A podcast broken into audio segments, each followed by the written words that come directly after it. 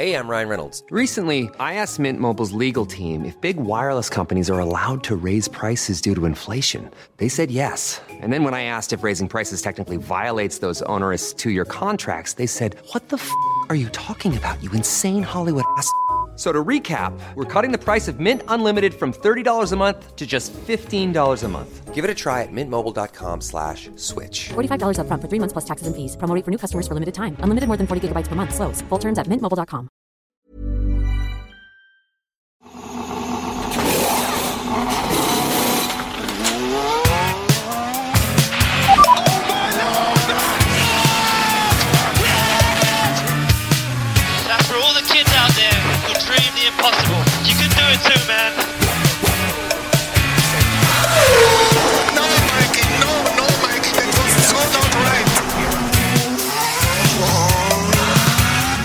my claps and steering wheel. Steering wheel. Claps and steering wheel here. Julen är nu definitivt över, eller? Är den över, Anna? Hur länge håller julen i sig när man, eh, när man eh, ja, lever ett liv där julen existerar i samhället? Alltså, För mig är den över sekunden efter att eh, liksom Karl-Bertil Jonsson är klar. Alltså, nej, för mig så är den över 13 dagen. Faktiskt. Det är gamla klassiska kristliga traditioner som, som det levs med. Alltså. Eller det kanske inte ens är kristna traditioner. Nej, Det är bara jag som tar skiten där för givet. nej, men jag tycker på något sätt att eh, julen har man ju tre dagar och sen är det alltid lite handbollsturneringar och grejer och då sen kommer nyår och någonstans där veckan efter nyår, alltså kring 13 dagar, så brukar jag känna att nej, nu får det vara nog. Nu är det dags att starta om så man liksom hinner i, i lång, lugn och ro. Jag har faktiskt en rolig info här, för att eh, när jag går in i vårt eh, anteckningsdokument som vi har, då söker jag bara vinter, så det dyker upp för att det heter Plattan i mattan, vinter 22-23. Och nu råkade jag bara googla vinter, för att jag klickade enter istället för att gå in på länken. Och då står det i Google, om man googlar bara vinter, då står det vinter 2022, norra halvklotet, från onsdag 21 december till måndag 20 mars 2023. Då är det väl vinter då, nu. Sen kan man väl känna efter om det är jul eller inte. Jul får man välja själv. Ja, men lite så. Det är vinter och jul får man välja själv. Det låter väl bra. Redan nu så vet man att vintern är över 20 mars, enligt Google. Ja, då har vi ju hunnit köra ett Dakar-rally. För det startar ju på nyårsafton eh, och pågår till den 15 januari, va? Där vi har Mattias Ekström, Emil Bergqvist och Annie Sil. Vi har hunnit genomföra en VM-premiär i eh, rally. Vi har väl hunnit genomföra ett svenskt VM-rally, F1-tester och både premiären av F1 och Indycar när vi kom fram till 20 mars. Så det känns ju som att eh, vi kan inte ha vinter hur länge som helst. Nej, det kan man ju fasen inte ha. Och när det här avsnittet kommer så är det 28 december, således några få dagar kvar av det här året. Och det vi ska göra idag eh, är att vi ska summera det här året på vårt egna lilla sätt. Va? Eh, det är ju klart att man eh, har hört i, det är ju ett grepp som de flesta eh, tar till va, när det är nyårskaramelltider. Eh, då har vi en lista med många av vad vi tycker är årets ja vadå, det ena och det andra.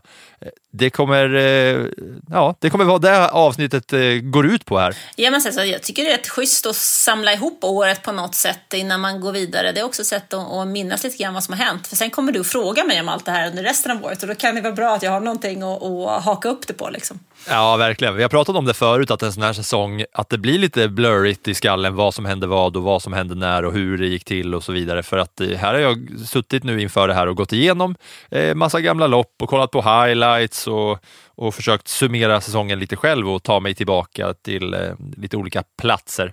Men ska vi börja med det mest väntade då kanske, årets bästa race? Det tycker jag. Eller den mest väntade kategorin ska sägas, för det är inte så himla superväntat att eh, priset ska bli det här, för det fanns ju många race. Det fanns många bra race. Eh, USA var bra. Storbritannien var bra. Framförallt Bahrain. va? Bahrain, satan var bra. Bahrain, eh, Brasilien, Österrike. Mm. Men jag fastnar ändå för Storbritanniens GP. Ja, jag, jag håller verkligen med, även fast... Ja, jo, jag tycker stor, alltså Silverstone i... riktig rejäl kamp med eh, Bahrain mm. Första racet på säsongen för att det var det är någonting med just första racet, första premiären, första liksom, så är det med alla sporter som man följer, första för säsongen. Förväntningarna som man har och hur man är taggad var ju något himla speciellt med Bahrain och just som det racet blev, det var, och, och framförallt det var en ny era också, så var ju det verkligen speciellt och det racet vi fick med Leclerc versus Verstappen och, och, och allt det där. Men det bästa racet var ju Storbritannien som sagt. Det började ju med den galna eh, kraschen. Ja, den börjar ju med Yuang Joes eh, fruktansvärda krasch. Eh, och det leder till lite förändringar. Sen får ju Verstappen släpa ju runt på en del från Pierre Gaslys bil, vilket gör att han inte är där han brukar vara. Och vi har ju en fantastisk fight mellan Hamilton, Perez och Leclerc som där Hamilton gör en helt galet bra omkörning under det här racet. Eh, och sen har vi ju den här eh, läckra omkörningen som eh, Leclerc gör på Hamilton. På samma ställe är det väl som där Hamilton och eh, Verstappen körde ihop i fjol och låg alldeles, alldeles för nära varandra. Här kör de liksom på max Leclerc och Hamilton men de håller precis rätt avstånd. Och det tyckte jag var jäkligt eh, imponerande att se. Mm. Ja, det var ju en sån rejäl kamp mellan flera bilar där på ett sätt som, eh, som man inte är bortskämd med, med att se. Men just också vad det blev för vad ska man säga, svallvågor efter också. Att eh, den där kraschen med Janju eh, Joe, när det tog så lång tid, man visste inte riktigt, alltså känslomässigt var ju det en berg och dalbana för man inte visste vad som hade hänt och det är inte ofta man ser en sån där krasch också. Nej. Så då fick ju loppet lite extra eh, Ja, det blev lite extra krydda efter just den där smällen. Ja, men framförallt också eftersom i och med att Verstappens bil inte är helt okej så gör att han kan ju inte göra det som han brukar göra och göra väldigt bra, det vill säga köra i en egen liga. Utan det vart ju en kamp mellan flera bilar och eh, man såg då verkligen, tycker jag, hur de här nya reglerna har eh, ändå varit en lyft, ett lyft för sporten för att man har fått den här kampen under inte bara ett par sekunder utan under flera varv och det är en himla skillnad tycker jag. Och eh, vi kanske ska fräscha upp minnet och säga hur det, hur det gick där. Kommer du ihåg vem som vann? Carlos Sainz. Carlos Sainz tog väl sin första seger genom alla tider va? Precis. Det var ju eh, ett, eh, en milstolpe för honom också. Så, ehm, ja, så, det, så det minns man ju också. Pa, eh, pallen blev ju Sainz, Perez, Hamilton. Det där racet. Och det var ju hela helgen tyckte jag var bra där också. Men om man ska räkna in Eh, nu var ju kategorin årets bästa race och då blir det ju Silverstone. Men skulle man ha årets bästa helg, alltså hel, som helhet, då tycker jag Brasilien är med och fightas också. Men årets bästa race till eh, Storbritannien och Silverstone. Men sen eh, får Eller man ju säga, ja det tycker jag. Men när du nämner Brasilien där, jag tyckte faktiskt att Österrikes eh, sprinthelg också var bra. Och det visar väl kanske att både Österrike och Brasilien har sprinter även nästa år. Så att, eh, men nu hade vi inte den kategorin, så då får vi låta den vara. Ja, eh, något som vi inte behöver prata så mycket om det är årets förare. Nej men vad ska vi säga, han vinner 15 lopp. Ja, det är bara, ja, vi behöver inte ens säga vad han heter, utan eh, han vinner 15 lopp. Han är årets eh, förare såklart. Årets rookie då? Det finns bara en att välja på. Och han väljer vi inte.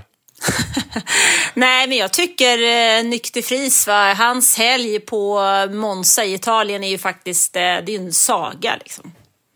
Ja, Nej, jag, jag håller med. Jag tyckte, jag tyckte att eh, visst, det är ju Jan Joe är den enda rookien som har möjlighet att vinna priset, men ändå så går det till nykter pris. För han gjorde faktiskt mer svallvågor bara under sitt det där eh, racet och han klev liksom in i F1 på ett sånt på ett sånt sätt som gör att man, man minns honom redan direkt. Han blir en spelpjäs som det känns som att man ska, man, man, som, som man ska räkna med på en gång. Jan Joe, han, gled, han gled ju med och, och raceade på och hans största moment var ju när han kraschade. Liksom. Ja, men sen tycker jag det är lite kul att se, Nykterfris har ju tidigare som största merit en seger i Formel E, alltså elbilsmästerskapet. Och när han då har varit testförare för Mercedes, han har kört för alla olika Mercedes-teamen, han kör på fredagen här för Aston Martin och så får han chansen att eh, kliva in i en Williams i kvalet. Och grejen är att killen kan ju egentligen bara misslyckas. För att han har ingen erfarenhet av banan egentligen för, för, på det sättet som de andra förarna har. För Formel E kör ju på helt andra ställen och typer av banor och det är rena elbilar. Liksom. Och han eh, har egentligen inte kört den här bilen tidigare utan han får bara skutta rakt in och trycka gasen i botten, plattan i mattan och så kör vi. Och så, så kvalar han in i Q3 och så tar han poäng. Liksom. Det, äh, det var en imponerande debut. Och också ett sånt ställningstagande att han, att han kommer in med noll varsel, noll sekunders varsel och ändå eh, utklassa Latifi som kör samma bil och har haft lite mer tid på sig att lära känna den där bilen och öva och träna. Ja, men sen är det också en sån här grej som jag kan tycka, tycker gäller egentligen alla idrotter. Att när du får chansen så måste du ta den. Då kan man inte komma med tusen olika bortförklaringar och det regnade eller jag hade för små skor eller jag eh, pratade med mormor strax innan för och hon var lite ledsen. Alltså det finns inte, det finns ingen, det finns inga ursäkter. För du får en chans. Det måste vara, jäv... det måste vara jävligt små skor för att de ska vara för små för nyck, tänker jag. Han kan inte ha mer än storlek 37. Nej, ingen aning. Specialbyggd lite, lite mindre pedal för att eh, foten ska få, få eh, rätt eh, mått där nere. Årets, vill du välja nästa då kanske? Vi har ju en gedigen lista här att välja på. Ja, vi kan väl eh, säga då något som också hände i somras. Va? Det var väl årets sociala medieinlägg. Ja, jag vill kalla det, jag vill kalla kategorin årets sociala medier rent allmänt, så här, inte bara eh, inlägg. Årets sociala medier och berätta vad du vill säga. Sebastian Vettel som liksom har, har Utan tvekan. Ja, dissat allting som sociala medier är i alla år. Och sen plötsligt bara så startar han en Insta-kanal, sätter sig på en stol och berättar att nu är karriären slut, jag lägger av. Går fram, stänger av kameran och går därifrån. Och når liksom miljoner följare på ingen tid Ja. alls. Ja, det var, det var ju just det som jag tyckte var så roligt när, man, när, jag bollade, när vi bollade upp den här eh, kategorin. Att det är ju så många som kämpar och har ett helt sociala medieteam som, som jobbar för dig och har det som heltidsarbete. Fettel går liksom halva säsongen, har inte ens sociala medier och sen skapar ett konto, en video. Redan där så utklassar han de andra i, i just den här kategorin, årets sociala medier. Och det som händer då är ju att han går ifrån noll följare till eh, 2,6 miljoner följare eh, vid dags datum. Då. Och då har ju alla de här andra som jobbar hårt med sociala medier haft tid på sig att promota sig själva och synas där ute och slänga ut krokar och sponsrade ads och bla bla bla för att eh, dra in följare. Men det här gör ju att eh, Fettel är 12 i sociala medieföljarmästerskapet. Och då vill jag berätta här, det kan vara en kul liten lista. Jag har, eh, jag har listat allihopa i, eh, ja, i griden, då. några som är avgående och några som är inkommande. Vill du höra bara hur, hur många följare alla har? Ja, men ta en topp fem då. Topp fem så har vi mycket väntat, Lewis Hamilton. Men det som inte är kanske lika väntat, det är att han har tre gånger så mycket som eh, Verstappen och eh, Leclerc som är på andra plats med 9,5 miljoner följare. Eh, Lewis Ham- Hamilton, det är inte skitkul eh, innehåll, men det är väl det är väl hårt arbetande människor som, som har ett heltidsjobb med att jobba med hans 30 miljon, 30,9 miljoner följ, följare. Det, Ja, det är är- lite kläder och lite hjälmar på bi, bilder på hjälm och lite gamla klyschor och sånt där. Ja, och lite hund. Ja, det var roligt för jag, när jag var inne och kollade på det så ser jag han har ju 30,9 miljoner följare. Själv följer han två och en av dem är hunden. Roscoe loves Coco. Och, och det är liksom, ja, det är ett Instagramkonto för hans hund, den lilla bulldoggen som eh, tassar omkring med honom ofta. Eh, och Roscoe har 706 000 följare, eh, vilket gör att han absolut inte har minst antalet följare i eh, Formel 1-line-upen, om man räknar in Roscoe. Det gör honom liksom till att han är, han är ändå legit, så att säga. Men eh, Roscoe loves Coco, som är Instagram-namnet, det är I'm a vegan bulldog that loves to travel, play ball and get attention from all the girls, especially when they rub my bum. I like frisbee and tennis. Det är hunden. Ja, och sen så det andra kontot han följer, det är något skit som han säljer. Eh, och sen är det då som sagt två, tre, Verstappen, Leclerc delat 9,5 miljoner. Sen är det Ricciardo. Det är lite roligare. Han eh, bjuder in lite annat folk på bild och eh, det känns lite mer personligt. 7,7 miljoner. Sen är det eh, Carlos Sainz 6,1, Lando Norris 5,9. Och av de andra som är intressanta att ta sin titt på, det är Logan Sargent som kommer in med 174 000. Det kommer öka rejält. Nykterfris har redan 670 000 följare. Mm, det kommer ju också Är det någon öka. annan du är nyfiken på? Nej, egentligen inte. Alltså jag tycker många av de där kontona är ju ganska politiskt korrekta. Ja, det är ju samma, ja, det är samma skit på allihopa. Bild på hjälm, together we are strong, let's fight for the next race, come on everybody. Bottas eh, är väl liksom också den enda som kanske utmanar med lite annat, för han gör ju lite roliga grejer. Det är mycket cykel och men, men lite annat. 3,5 miljoner följare på Valtteri Bottas. Mm, han går och klipper sig också, den var faktiskt lite kul. Ja, en av alla de som har kört eh, F1 under den här säsongen som är sist, det är Nicolas Latifi. Han har minst antal följare av eh, alla som har kört den här säsongen. Hehehehe. Nu tar vi nästa. Vi släpper dem där nu.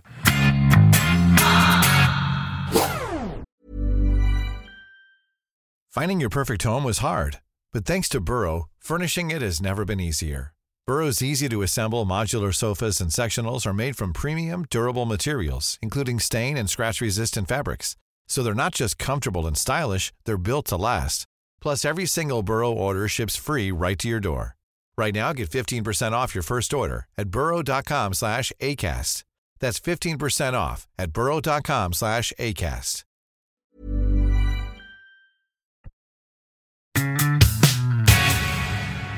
Årets överraskning. Årets... Där är vi överens va?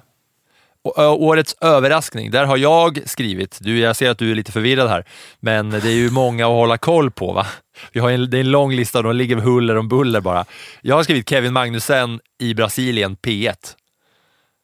Att han får pole position Ja, efter man väl den där regniga kvaldagen. Ja, det kan man väl säga är årets eh, överraskning. Japp. Det var inte många som hade förväntat sig det när den där helgen började, att eh, Kevin Magnusson skulle vråla ut att han har pole. Nej, verkligen inte. Verkligen inte. Det är absolut en av, det är nog årets största överraskning. Och sen egentligen så är ju överraskningen att han är killen ens fick köra F1 i år, för det visste vi inte heller när vi startade säsongen. Utan då hette ju den andra föraren i Haas intill, Mick Schumacher hette ju Nikita Mazepin. Men sen ställde ju Rysslands invasion av Ukraina till det och så mycket mer här i världen. Mm, till Günther Steiners stora glädje får man väl ändå gissa eftersom att han valde att släppa Mick och behålla eh, K-Mag. Men ja, det var överraskningen i alla fall. Det tror jag var årets överraskning för honom också. Jag tror inte han hade kunnat ens eh, liksom, drömma om en, en P1. Nej, det tror jag inte.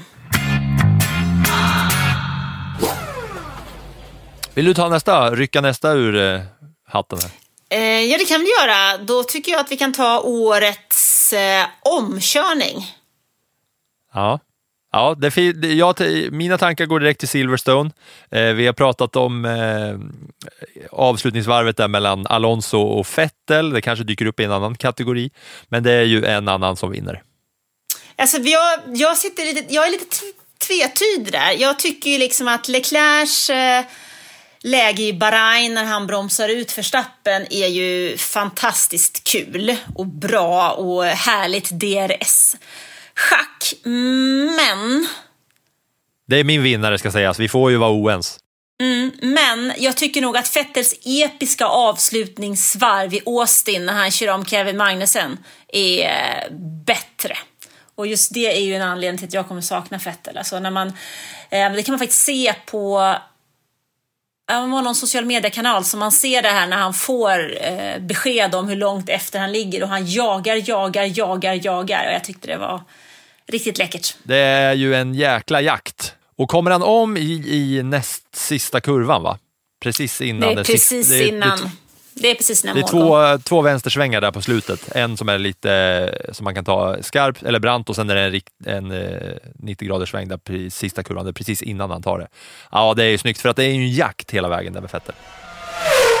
Mm, Mm, vad ska vi ta nu då? Ska vi ta eh, kanske årets...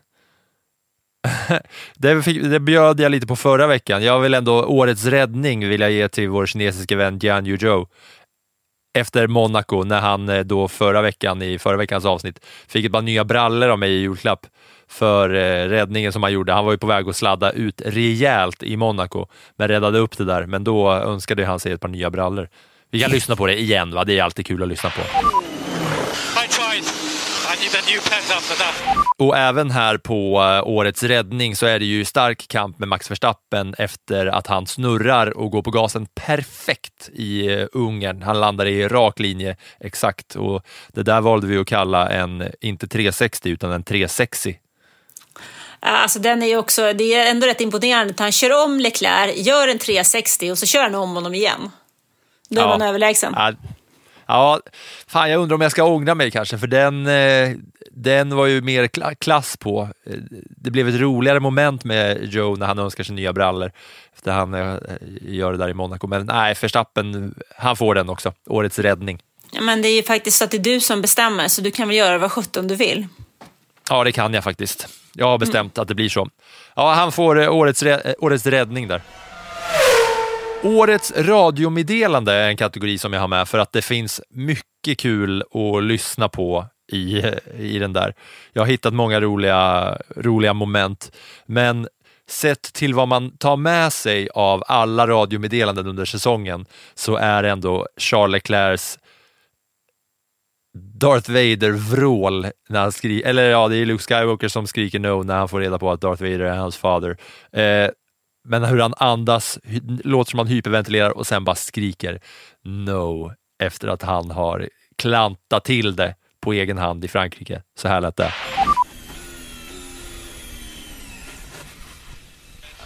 Uh, are, are you okay? I cannot go and thought so.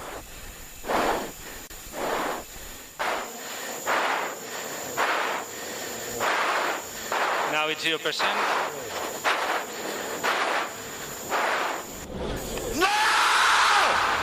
Det minns du va? Det minns jag absolut. Och det- sen vill jag nog också eh, bolla upp där Pierre Gasly i Japan när han plötsligt möter en traktor på banan. Den är också lite så här överraskande, det radiomeddelandet. Ja, han är ju vansinnig där också, med all rätt. Right flag. God, what the, what the? Yeah, what is this tractor? What is this tractor on track? Our guys next to it, like, this is unacceptable. Remember what's happened? Can't believe this. Så det blev ju också en stor snackis, hela den, hela den grejen. Absolut. Så den, den minns man ju eh, också, hela den. Men just att, eh, just att Leclercs no var så himla, det var liksom från botten av hans känslohjärta. Och ett avgrundsvrål. Ja, Du, verkligen. eh, å- årets eh, team då? Är det, är det Red Bull som vinner konstruktören eller har du någon annan du vill bolla upp där? Nej, det tycker jag ju inte är, något team. För något teamwork tycker jag ju inte Red Bull har bjudit på överhuvudtaget. Utan det är snarare något maxwork. Så att, eh, men å andra sidan, årets team, ja, det, alltså över, mest överraskande känns nog alpin som, även om det kanske inte har varit så mycket teamwork alla gånger mellan Ocon, mellan Ocon och Alonso heller. Men eh, det som de har levererat under säsongen, trots sådana enorma problem med tillförlitligheten, tycker jag är positivt. Årets låt? Det är, Ah. jag, det är bara jag som har valt. Den har inte du, du sett kanske, men du kan gissa. Ja, det, det känns lite Mexiko. Alltså även nu när jag inte har den på så blir jag ändå så här, jag tänker på den och så, ja det är alltså på samma sätt liksom. Mariachi-låten från Mexiko. Äh, vi tar den en gång till va, vi gör det, vi gör det.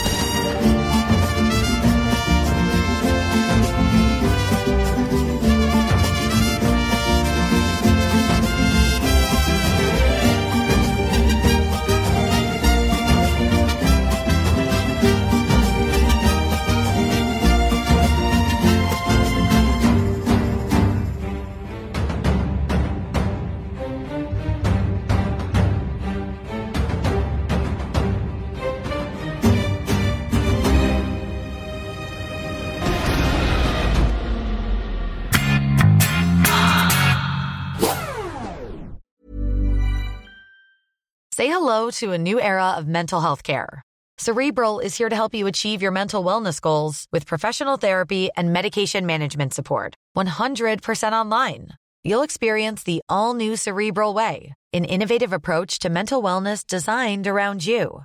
You'll get a personalized treatment plan from a therapist, prescriber, or both in a safe and judgment free space. Your cerebral therapist or prescriber will outline a customized plan with clear milestones along the way so you can get to feeling your best. With Cerebral, you're not alone in your mental health journey. We're here to empower you to live a fulfilling life.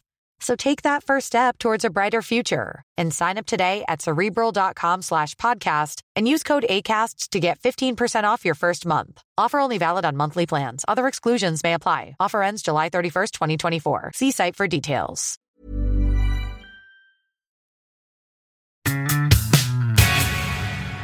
Årets snackis, Anna. Det har ju varit en hel del snackisar, men det är en jag tänker på specifikt som var inför ett eh, race där man pratade mycket om den här saken som inte hade någon impact på racet överhuvudtaget, men sett till, till vad det faktiskt var så var det mycket snack om det. Jag tror du och jag tänker lite olika där. Du gillar ju det runt omkring och jag gillar det mer realistiska på. Så jag tänker mig att du tänker på fake-marinan i Miami medan jag tänker på Oscar Piastris vara eller icke vara. En förare som inte ens har kört en meter i Formel 1 utan är eh, testförare, simulatorförare och hänger i alpins garage. Blir sommarens stora snackis när eh, han egentligen är överens med McLaren, men alpin säger att han ska köra för dem och lägger ut det på sociala medier så han får gå ut och dementera eftersom han faktiskt har ett kontrakt med McLaren. Ja, jag vill kalla det, alltså det var mycket snack om Piastri under kort tid och det var det med fejkmarinan också. Men Piastri-snacket, det var liksom inom F1-kretsar. Den här fejkmarinan tog sig liksom ut ur F1-bubblan och in över all annan eh, sportmedia också. För att då började folk prata om det här F1-racet och eh, hela, den, eh, ja, hela den cirkusen där. Och det var hur många som helst som var förbryllade över. Och jag kommer ihåg här på redaktionen, folk gick runt och garvade när det kom nya bilder och alla roliga memes som gjordes kring den här fake-marinan. Sportsligt är såklart Piastri, utklassar ju han det här. Men snackismässigt? Ja, fast sen så kände jag att den snackisen ramlade lite för att själva, den vart så självstående och gående för racet vart ju lite mer som att man hade hoppat rätt ner i det där vattnet och så var det inget vatten där. Platt fall utan plask. Ja, ja alltså jag kommer ju ihåg eh, fejkmarinan fake-marinan mer än racet, så att säga. Mm. Fast det tristaste racet, det var inte USA. Det tycker jag ändå var Mexiko. Där var ju 17 Peres farsa roligare än själva racet. Ja, det var väl inte så mycket som hände. Det, ja, både Peres farsa och eh, låten var ju höjdpunkterna från den där helgen. Det var ju, ja, det var ju händelsefattigt och eh, på förhand hade man haft mycket förhoppningar. Det som väl var lite kul var ju det där att det var, man snackade hem om hög höjd och Mercedes var lite på gång där och så vidare. Men eh, racemässigt så var det inte, det var ju inte kanon va? Nej, långt ifrån. Bolla upp någon mer. Ja, men någonting som inte heller var kanon, det var ju, är ju faktiskt årets sämsta beslut. Och vem vinner den kategorin? Årets sämsta beslut det fanns ju många, men det är ju ett team i alla fall som tävlar med sig själva där varje vecka ut och vecka in. Men av alla sämsta beslut som Ferrari tog så måste det väl vara i Monaco, va? när de eh, bestämmer att eh, verkligen förstöra helvetet för eh, Leclerc och stjäla segern ifrån honom genom att ta in honom i depån. Mm. Där de skriker “box now, box now” och en sekund senare “stay out, stay out, stay out, stay out, stay out”. Vi kan lyssna på hur det lät. And box now, box, box now, box for hard. Stay out, stay out, stay out. Fuck, fuck! Why, what, what are you doing? Tire, position 5. Multifunction tire, position 5. Det går liksom så snabbt emellan så att man tror att det är ihopklippt, men det är ju när man, när man ser och hör det här radiomeddelandet, man ser Leclercs bil, hur han är vid depåinsvängningen och får höra att han ska in, svänger in ens direkt liksom och sen så bara står eh, Carlos Sainz där framför honom. Så att det, liksom går, det går så mycket tid och där tar de ju eh, racet, race-segern ifrån honom. Ja, den där Monaco... Eh, vad, vad var det kallat för? Monaco... Förbannelsen. Förbannelsen. Det var den jag ville skicka honom till Hogwarts så att han kunde få Ja. en trollformel för att lösa. För till nästa år hoppas jag verkligen att det blir bättre så att vi får lite mer fight på banan. Ja, nej men det var ju verkligen fel beslut. Hade de bara då struntat i att säga box, this, box, box, box now, box now till honom, så hade han ju vunnit och då hade ju den här förbannelsen brutits. Och ju längre det här byggs på, desto mer hjärnspöken kommer det ju bli för honom. Att hade de bara skitit i det där nu så hade, jag tror att det hade fått rejäl betydelse för honom. Alltså rent så här poängmässigt så hade han ju eh, haft mer poäng och lite mer fart under vingarna inför nästa råg i ryggen och vind i seglen och allt sånt där. Men här förstörde de ju mycket, både för racet och eh, framöver tror jag. Så ja, det är ju ett hundraprocentigt eh, årets felbeslut i alla fall. Mm, verkligen. Han har tagit några priser Leclerc. Han kanske är the grand slammer i, eh, i det här avsnittet. Charles Leclerc. Eh, årets sångare vill jag dela ut också efter att ha lyssnat igenom en hel del roliga radiomeddelanden under säsongen. Och den vill jag ge till Lando Norris som gör en tolkning på Happy Birthday-låten och det lät så här efter Emilia Romagna-racet i Italien när han snackade med sina mekaniker. That's P3. P3. Oj, oj, oj! Okay, mate, I need purples. Hey! We just got another podium. Who would have thought? Great job, mate. Yeah, proud of you, proud of ev- everyone. Well done. Lando, I hope you don't mind me saying this. It's my mum's birthday today, and she said when you got on the podium, she'll make, make you a cake. Um, happy birthday to Will's mum. Happy birthday to Will's mum. What's your What's your mum's name, Will? Charlotte, and she'll make you one of those Christmas cakes you like. Oh, Mint. Happy birthday to Charlotte. Happy birthday to you. Happy birthday, Charlotte. Ja, men det visar väl ändå vilken charm som Lando Norris besitter. Det är vad vad brukar kalla det för? Social kompetens. Ja, jo men där, där, är han, där är han mysig ändå. Ja, han vinner årets sångare i alla fall. Mm, mm, mm. Trots att Yuki Tsunoda förmodligen har spenderat fler timmar framför karaoke-maskinen än någon annan så är det ändå Lando Norris som vinner årets sångare. Ska vi dela ut några priser till kanske? Vill du eh, ge, vill du ge årets svensk till någon? Årets svensk, det finns ju bara en och det är ju Marcus Eriksson efter segern i Indy 500. Jag vet att det inte är F1, men han har ju faktiskt kört där och någonstans så skriver han ju in sig i motorhistorien och det är så himlans stort att vinna det där racet. Så att, eh, ja, grattis Marcus! Ja, hur många gånger vi än säger det så kommer vi inte kunna säga det tillräckligt hur, hur stort och mäktigt det där är. Och eh, att det fick sån impact som han förtjänade också rent eh, genomslagsmässigt i, i Sverige också för att det är så extremt mäktigt. Jag har efter detta också satt upp Indy 500 på min bucketlist att göra innan jag eh, sticker vidare. Ja, men det är nästan lite pinsamt att du inte hade det innan. Ja, men jag, jag undrar om jag kanske, jag kanske hade det innan. Den där är ju en lista som inte existerar rent fysiskt utan eh, man glömmer och lägger till. Och sådär. Kanske lägger till samma sak fem, sex gånger. Du har den inte på kylskåpet alltså? Nej, men det kanske börjar bli dags med det här hela minnet när man eh, glömmer det ena och det andra hela tiden. Det finns en till, till svensk som är med på listan över årets någonting här. Ja, eller det finns det ju faktiskt två skulle jag säga. Dels så har vi årets talang och det måste vi ge till Dino Beganovic som faktiskt kör Formel 3 nästa år och det är lite stort. Det är inte många steg kvar till F1 nu alltså, två. Så han, var- han var så söt när jag pratade med honom om just det där så sa han, nej men det är långt kvar. Men tyckte jag, vadå långt? Var det något sånt? Ja, men det är ju Formel 3 och Formel 2 och ja, sen är vi där ja. Ja. Nej, ja, det ska bli skitkul. Jag ska, börja, jag ska nästa säsong kolla på mina första hela liksom, F3-lopp och F3-helger. Och det ska bli jäkligt kul att eh, följa det. Så det är ju våra svenskar som eh, har, eh, tar pris här va? Ja, fast vi har ju en till. Om Eller ja, tittar- vi har, ju- ja det vi har vi. har en till. Årets plattan i mattan-moment. Årets Plattan i mattan moment. Det blir så här att jag hörde av mig till eh, våra, eh, de som sköter statistiken på vår våran podd och alla andra poddar, så frågar jag inför det här eh, avsnittet, vilka är avsnitten som folk har lyssnat mest på? Och då visade det sig att Stefan Lillövis Johansson avsnittet, när vi intervjuade Stefan Lillövis avsnitt 23, var det som hade flest lyssnare ganska tajt mot eh, premiären avsnitt 7 och avsnitt 28.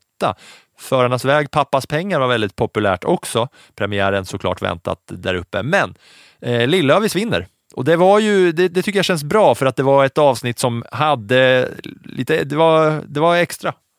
Ja, men det är ett tidlöst avsnitt. Det kan man faktiskt lyssna på. Om man inte lyssnar på det nu så kan man göra, kan man göra det efter detta. För han ger oss en fantastisk inblick i eh, hur det var i depån på 80-talet och hur det var att köra Formel 1 innan det fanns mobiltelefoner. Det vill säga att var man på väg från banan och fick en känsla av att det där behöver vi ändra, ja då kunde man inte ringa utan då fick man faktiskt köra tillbaka och göra ändringen mm. på plats. Det var liksom en, en, en racehelg, så att ni kunde inte sitta i simulatorer varje minut av er vakna tid, liksom, som de gör idag till exempel. Simulatorer fanns ju inte ens, det fanns ju ingenting. Vi hade ju ingen data ens. Fanns ingenting. Det, liksom, det, var, det, det enda datan som fanns, det var det föraren sa till sin ingenjör.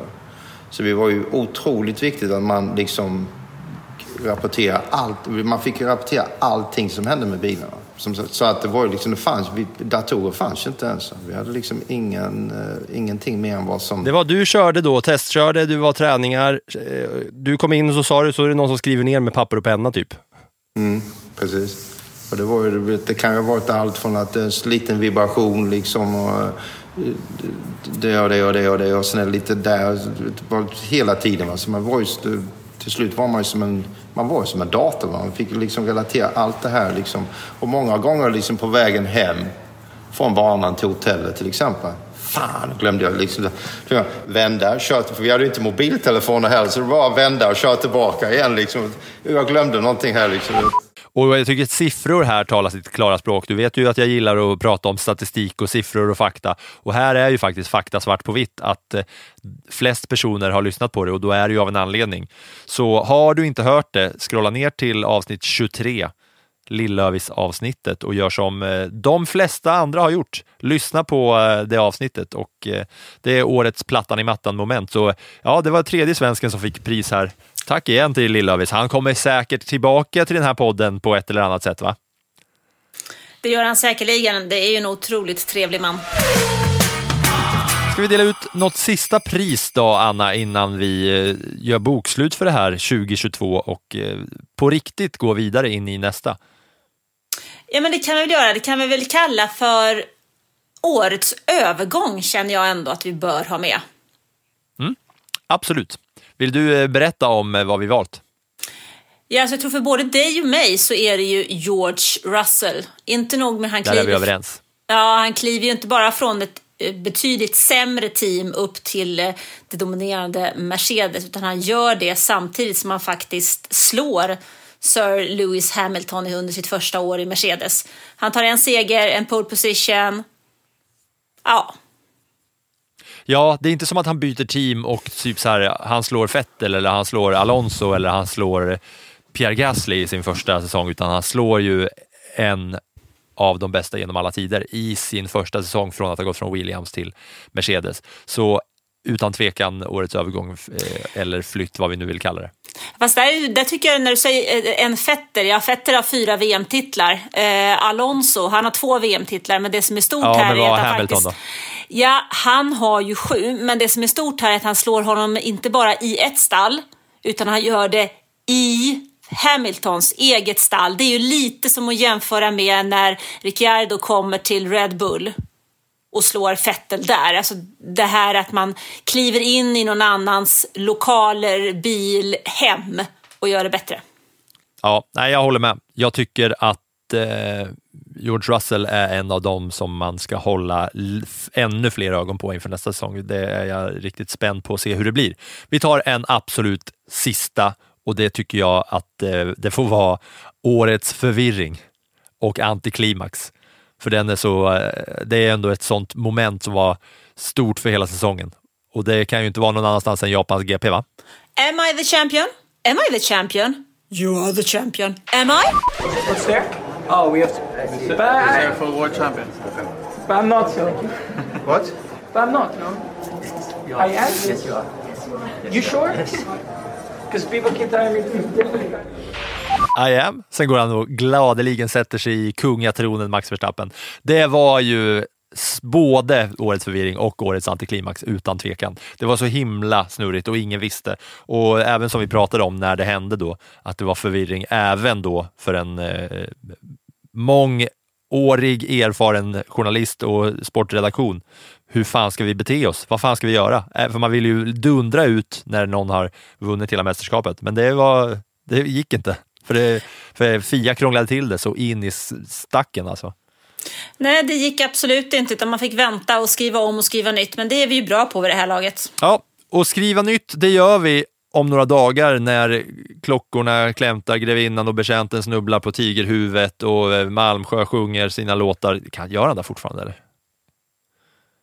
Ring klocka ring och sådär. Eller det kanske inte ens är sång, det kanske är ett tal. Jag vet inte. Det, är, väl bara ett något som folk tal, säger. Men, det är väl ett tal, men jag tror inte att det är Malmsjö som gör det längre. Ring, klocka, ring i bistra nyårsnatten mot himlens norrskens sky och markens snö. Ring in det nya och ring ut det gamla i årets första skälvande minut. Skitsamma, nästa gång vi eh, pratar med er, våra kära lyssnare, så är året 2023. Nyårslöfte, Anna, vill du, har du något eller? Ska du käka upp någonting, någon hatt ifall eh, något händer under F1-säsongen eller så? Det är väl ditt jobb att äta hattar. Det är mitt jobb att se till att eh, de här eh, förbannade påståendena som du kommer med, att jag också får rätt svar på dem. Ja, du börjar redan bli lite nervös eh, för det där. Eh, ja, jag lovar att den där hatten behövde jag inte käka upp eh, i år eftersom att Latifi aldrig vann något race eller vad det nu var. Så jag kommer med något nytt, men nyårslöftet kommer inkludera att käka upp min alpinhatt. Så gott nytt år på alla som lyssnar på det här. Det har varit kul att ha er med på vårt första år i den här podden. For many more years to come. Gott nytt år! Ring ut det tusen krigens år och ring in den tusenåra fredens